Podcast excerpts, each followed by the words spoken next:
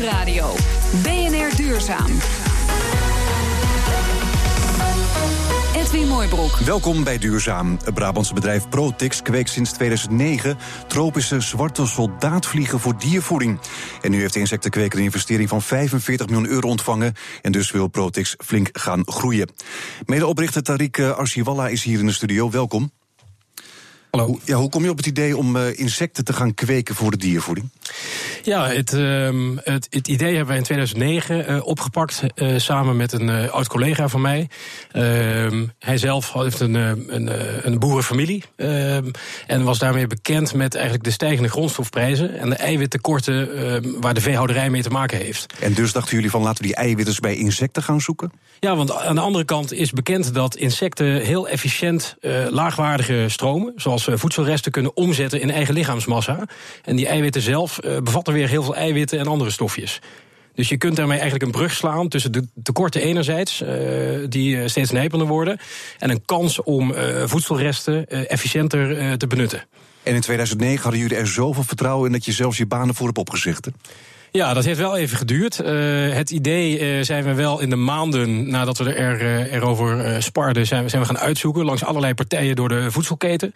en eigenlijk overal kregen we wel enthousiaste reacties van dit kan echt wat worden. Jullie hebben eerst gekeken of de belangstelling voor zou zijn. Absoluut, absoluut. En ja. Uiteraard waren er veel onzekerheden, maar wij dachten toch van hier moeten we voor gaan. En ja, dat was inderdaad in 2009 het moment dat we zeiden we stoppen en we gaan hier vol voor. Ja, jullie gebruiken daar die tropische zwarte soldaatvlieg voor. Wat is het voor een vlieg? Nou, het is een hele mooie vlieg. Uh, uh, hij vliegt. uiteraard. Hij ja. vliegt ook. Hij is zwart, uh, maar dat zal de naam wel duidelijk maken.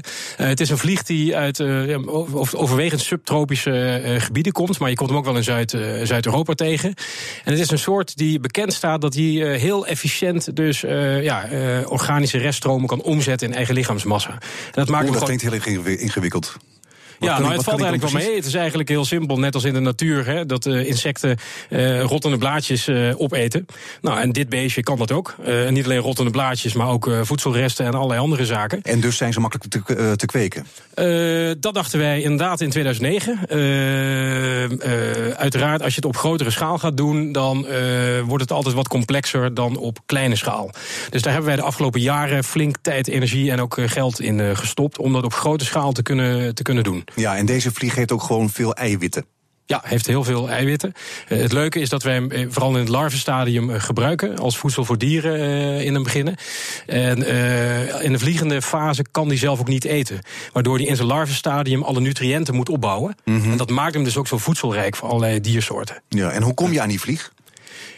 Um, de eerste hoeveelheid, dan moet je echt denken aan maar een paar honderd uh, uh, vliegen en larven hebben wij uh, in 2009 gekocht. Die kon je toen op de Nederlandse markt zelfs krijgen, omdat het door hobbybedrijven werd gebruikt voor reptielen en amfibieën.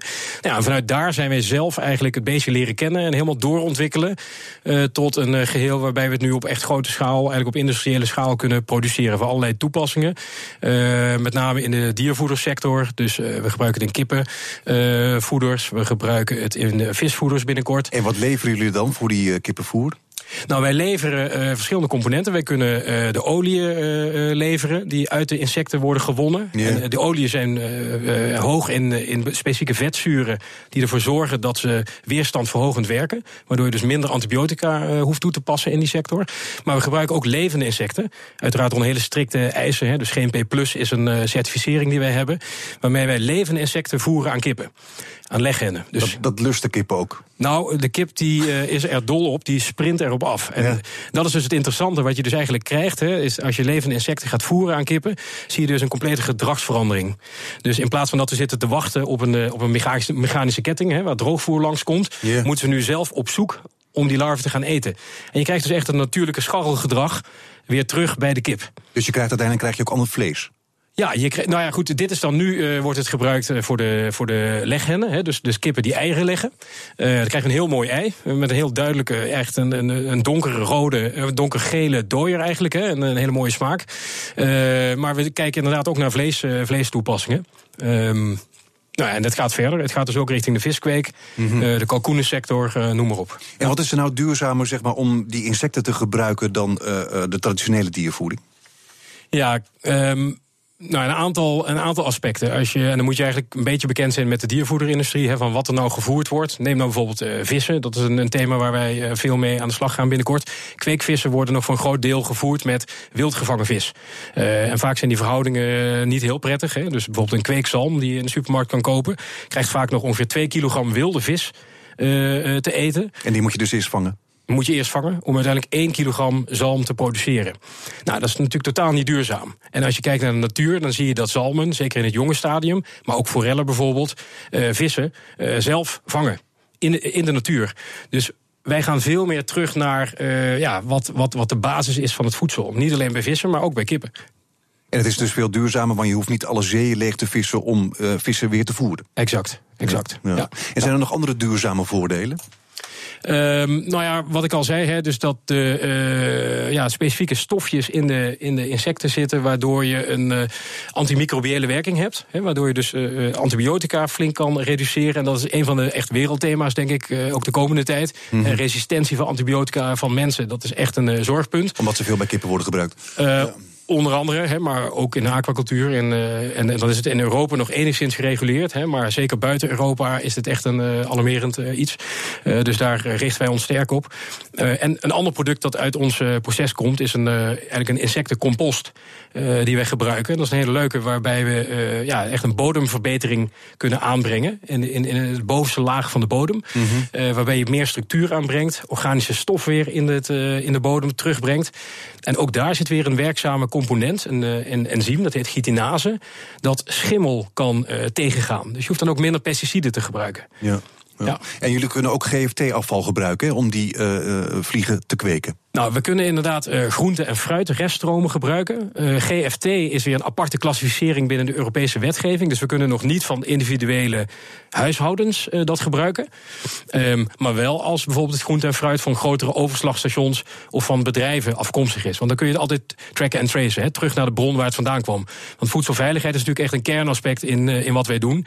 En we zijn een industrie in opbouw. En dan moeten we zorgen dat het uiteraard volledig veilig en binnen de, binnen de wetgeving tot stand komt. Ja, het is, Dus, het is dus heel duurzaam. Je krijgt er dus ook ander vlees van. Beter vlees? Ja, wij denken van wel, hè, want het is in ieder geval het vlees is tot stand gekomen op een veel natuurlijkere manier. Ja. We gaan wel uh, een aantal ook smaakpanels uh, opzetten, onder andere langs voor de kippen, hè, voor de eieren. En we hebben dat al gedaan in de zalmsector. En uh, daar is inderdaad uitgekomen dat als wij een zalm produceren zonder vismeel, dat de smaak, maar ook de textuur en de geur van de zalm niet afwijkt van de huidige praktijk in de industrie. Dat is natuurlijk wel heel belangrijk. Want als de smaak substantieel anders zou zijn, dan kun je natuurlijk altijd debatteren. Het is natuurlijk een subjectief iets. Ja, maar klopt. als je daar geen verandering in aanbrengt, dan uh, ja, dat is vaak wat de industrie ook het liefst uh, hoort en ziet. Ja, het klinkt allemaal heel mooi. Waarom deed nog niemand dit dan? Ja, het, uh, dat heeft misschien toch te maken met het, het begin uh, waar je het over had. Van, uh, het is ook niet zo eenvoudig. En dat hebben wij zelf ook gemerkt. Uiteindelijk hebben wij acht jaar uh, tijd nodig gehad om. Goed, we hebben dan twee jaar geleden een eerste fabriek uh, gebouwd. En nu gaan we natuurlijk een flinke uh, schaalvergroting in. Um, maar het produceren van. Hè, als je, als je, wat wij doen is bijvoorbeeld van eitjes is een heel delicaat proces. En uh, een hele fabriek runt aan de basis is dat er voldoende eitjes zijn... die je stabiel het hele jaar door moet kunnen produceren... van hoge kwaliteit. Mm -hmm. En dat voor elkaar krijgen op grote schaal is, uh, ja, dat is wel een vak apart. Dus jullie zijn de eerste en de enige tot nu toe die het doen? Nou, wereldwijd zijn er veel meer initiatieven ja. die hetzelfde bereiken. Um, ik denk wel dat wij heel ver zijn als je het hebt over stabiliteit van productie... Hè, betrouwbaarheid van de output, output en ook de kwaliteit van de, van de eindproducten. En daar worden wij denk ik ook wel voor herkend in de markt. En daardoor is de vraag ook naar onze bestaande producten die we al hebben, inmiddels al in twaalf landen verkocht, is uh, ja, dermate toegenomen dat we ook deze uitbreiding konden, konden doorzetten. Ja, want u, u zei het al, uh, uh, nu is het diervoeder, maar vanaf 1 juli dan mag het ook voor de visvoer en voor de kweekvissen. Want dan veranderen ja. de Europese regels en daardoor ja. gaan jullie dus ook flink uitbreiden. Ja, dat klopt. wij hebben ja, een van onze nieuwe investeerders die dus ook deze uitbreiding kan faciliteren, is een ook een fonds uh, genaamd Aquaspark, dat uh, ja, echt gericht is op verduurzaming van de aquacultuur. Iets wat heel mooi past als doelstelling bij ons als bedrijf. Hè, dat we dus echt die verandering in de voedselketen teweeg willen brengen.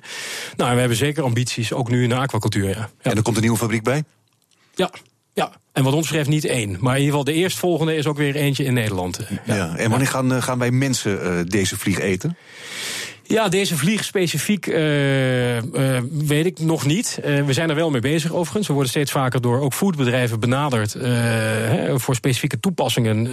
dus, dus grotere foodbedrijven zijn er daadwerkelijk mee bezig. Want willen wij dat? Willen wij vliegen eten? Dat klinkt een beetje. Ja, nou ja, het zijn misschien niet vliegen. het, het kunnen ook uit, uit het larvenstadium kun je extracten halen. Je kunt eiwit extraheren, je kunt uh, olie eruit halen. Kijk, en als je daaraan denkt, dan heb je ook niet meer zo snel dat beeld van een heel insect dat iemand opeet. Want daar is vaak in mijn, in mijn, beleving waar de weerstand met name zit. He, maar als je een, een, een, mooie grondstof hebt die duurzaam geproduceerd is en die een voedselproduct misschien ook nog lekkerder of uh, een andere beleving geeft, dan kan het wel degelijk toekomst hebben. Het wordt de toekomst. Ja, wij denken van wel. Dank u wel, Tariq Arsiwalla, medeoprichter van Protix. Onze steden die kunnen een stuk slimmer en groener. Maar hoe doen we dat precies? Dat probeert City Zen uit te vogelen. Dat straks in BNR Duurzaam. BNR Nieuwsradio. BNR Duurzaam. In Amsterdam Nieuw-West staat de eerste lokale virtuele energiecentrale van Nederland. En deze Virtual Power Plant is onderdeel van CityZen. En dat is een internationaal consortium dat in Amsterdam allerlei praktijkprojecten opzet. om uit te vinden hoe we onze steden slimmer en groener kunnen maken. Verslaggever Hugo Reitsma die ging langs eh, bij een van de deelnemers van de Virtual Power Plant. En hij nam een kijkje in de kelder waar de magie gebeurt. Geen uh, sensor die het licht automatisch instuurt. Als het licht aanzetten op het moment de virtual power plant staat te zoomen in de kelder van John. Ja, inderdaad, ja. En dit is niet het enige duurzame snufje hier in je nieuwe huis, hè?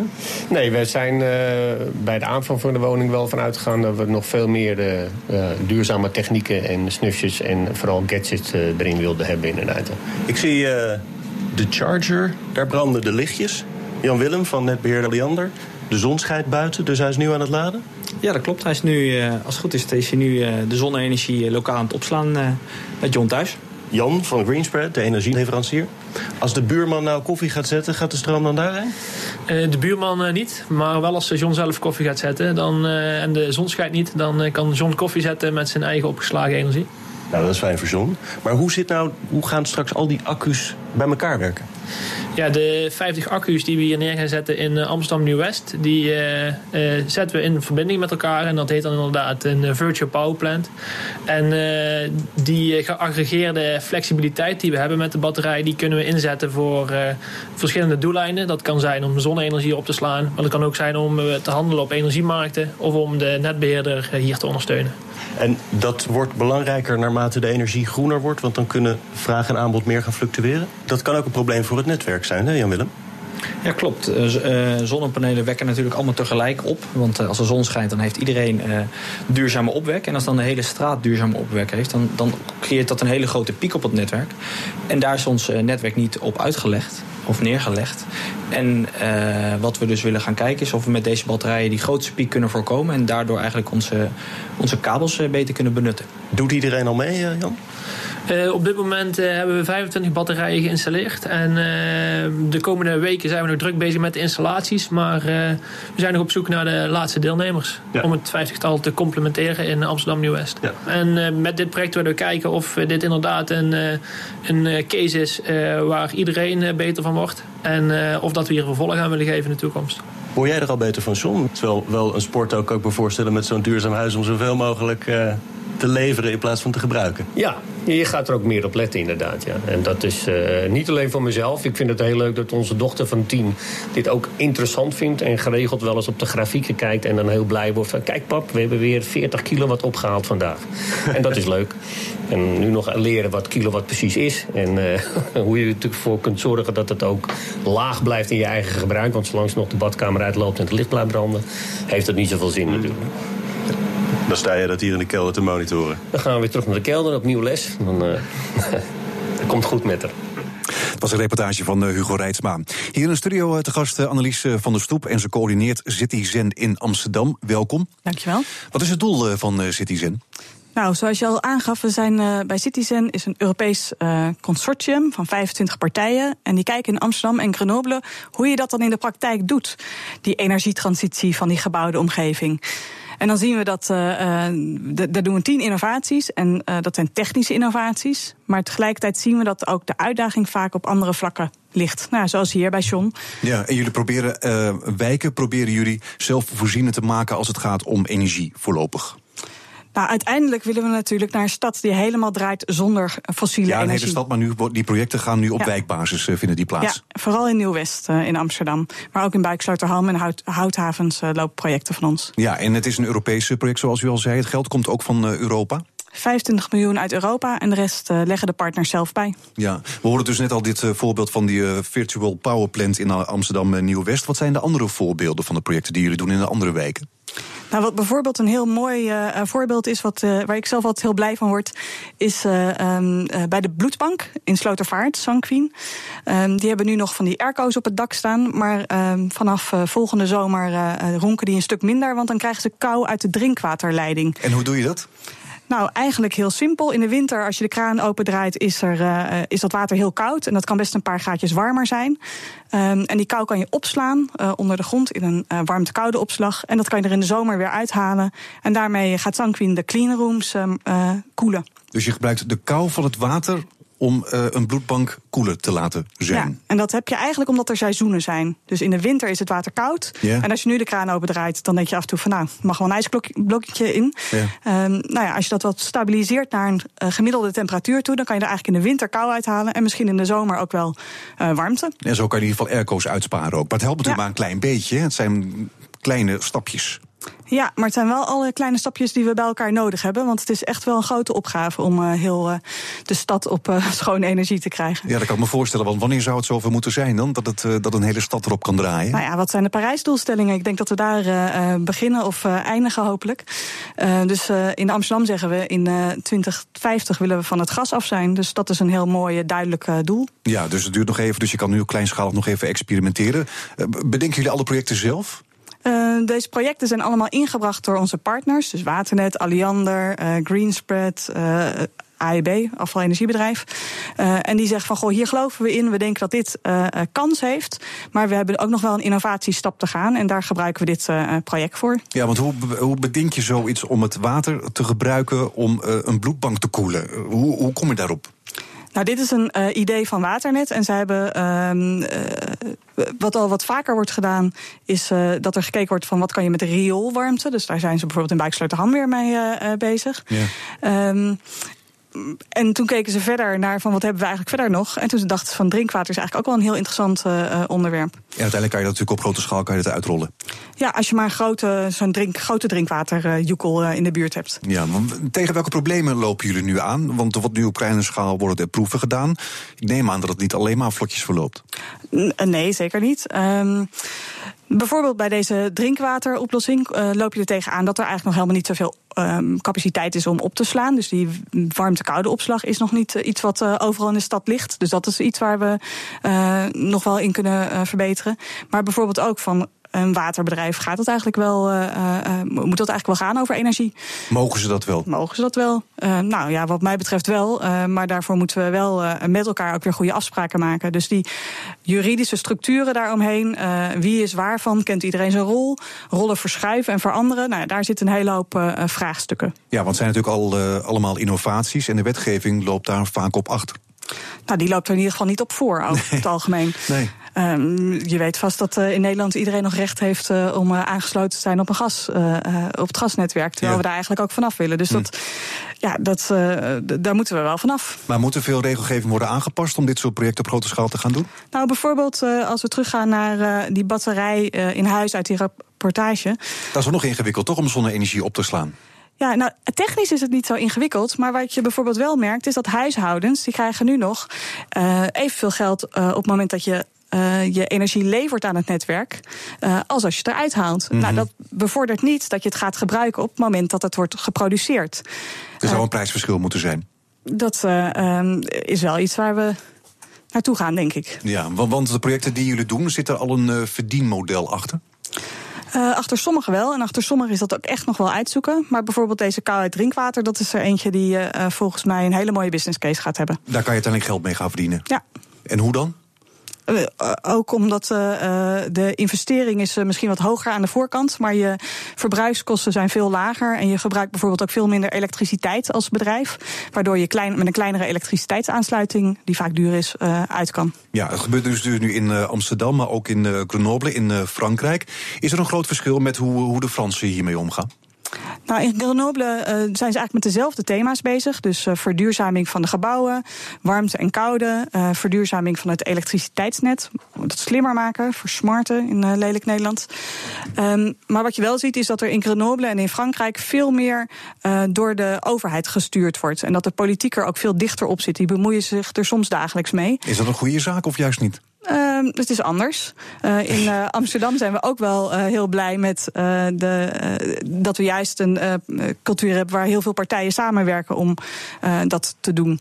En dat de overheid zich er niet zo mee bemoeit? Nou, de overheid zich er wel mee bemoeit, gelukkig. Ja. want die moet ook allerlei voorwaarden scheppen. En de regels veranderen uiteindelijk? En de regels veranderen. maar ehm, we geloven er ook in dat we met elkaar dat moeten doen. Ja, wat kunnen we in de toekomst verwachten van Citizen nog? Um, nou, wat, uh, uh, waar bijvoorbeeld AEB nu uh, hard mee bezig is, is om te kijken hoe ze.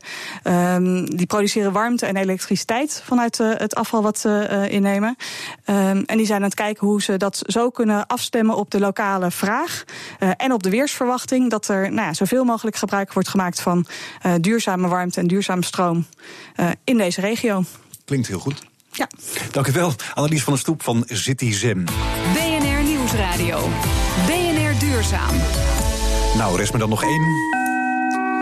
Laatste vraag. Redacteur eh, Paulien Wuster die eh, zocht deze week uit hoe ze in Groningen een regionale voedselketen proberen te ontwikkelen. Hans Bergsma is directeur gebiedscoöperatie. Hij heeft zich verdiept in de voedselstromen van de regio Groningen. En wat mij heel erg opviel, is dat de productielijn zo gecultiveerd was... dat als ik aan een boer vroeg, waar gaat je melk naartoe? En dan zegt hij, ik heb geen idee. Het wordt straks nachts opgehaald en, uh, en wat ze ermee doen? De melk gaat in ieder geval niet naar de keukens van grote instellingen in de regio.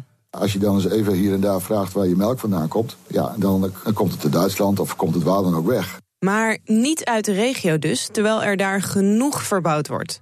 Hans wil daarom de boeren en de grote keukens dichter bij elkaar brengen. Nou, wat zou het nou zijn als wij als MKB'ers in de regio elkaar kunnen verbinden en op zoek gaan naar een andere manier van produceren, uh, gecombineerd met het verwaarden in de regio. Want in, in de regio wordt er nagenoeg niks meer verwaard. Verwaarden is het verwerken van grondstoffen tot producten. Waarde toevoegen dus. Om daarachter te komen waarom dit verdwenen is uit de regio, riep hij de hulp in van de Hanse Hogeschool. Nou, dan geef ik nu uh, Willem uh, aan jou. Paulien? Ja? Willem is lector duurzaam coöperatief ondernemen. Hij zocht samen met 1700 studenten uit waar de Groningse grondstoffen terechtkomen. Zo volgde hij een Groningse big. Wordt dan verkocht, gaan we 900 met z'n allen in een vrachtwagen. Uh, en de boer weet niet waar het heen gaat. Interesseert hem eigenlijk ook niet zozeer. Maar die krijgt er 39 euro voor. Nou, dan komt een route door heel Europa waarvan je denkt van... jongen, jongen, jongen, dat is, uh, is dat wel goed wat hier gebeurt? Uiteindelijk komt de big in Spanje aan. Daar wordt hij verwerkt tot allerlei producten. En dat vlees kwam uiteindelijk weer in Nederland terug. Maar nu met een prijskaartje van zo'n 508 euro bijna een soort duurzaamheidsschandaal wat hier gebeurt. We slepen met die grondstof, in dit geval dus levend, over, door heel Europa heen. We verwerken het ergens anders, het komt weer terug. En we produceren hier voor 39 euro, blijven met mest, vieze schuren en weet ik veel wat zitten. Eh, en de verwaarding doen we hier gewoon niet. Maar als het aan Willem ligt, gaat er snel verandering in komen. We zijn nu zover dat de gebiedscoöperatie, eh, maar ook de, de overheden hier, die zien nu een enorme duurzaamheidswinst. En er komen nu dus partijen los die zeggen, zullen we samen business cases gaan bouwen om eens te kijken of we kunnen realiseren. Dus we willen eigenlijk proberen om binnen vier jaar dit overheid te hebben. Dat lijkt me een mooie streven, toch? Als, het, als dat binnen vier jaar uh, zou kunnen. Dat, uh... Ja, we zijn jong en ambitieus. Doen we gewoon. Het was een bijdrage van Paulien Wuster. Tot zover BNR Duurzaam voor vandaag. U kunt deze uitzending terugluisteren via bnr.nl en de BNR-app... of stream ons via iTunes en Spotify. Zometeen Roos Abelman met eh, BNR Spitsuur... en volgende week is Harm Edens weer terug met BNR Duurzaam. En nu moet ik volgens mij zeggen, hou hoop en doe het duurzaam.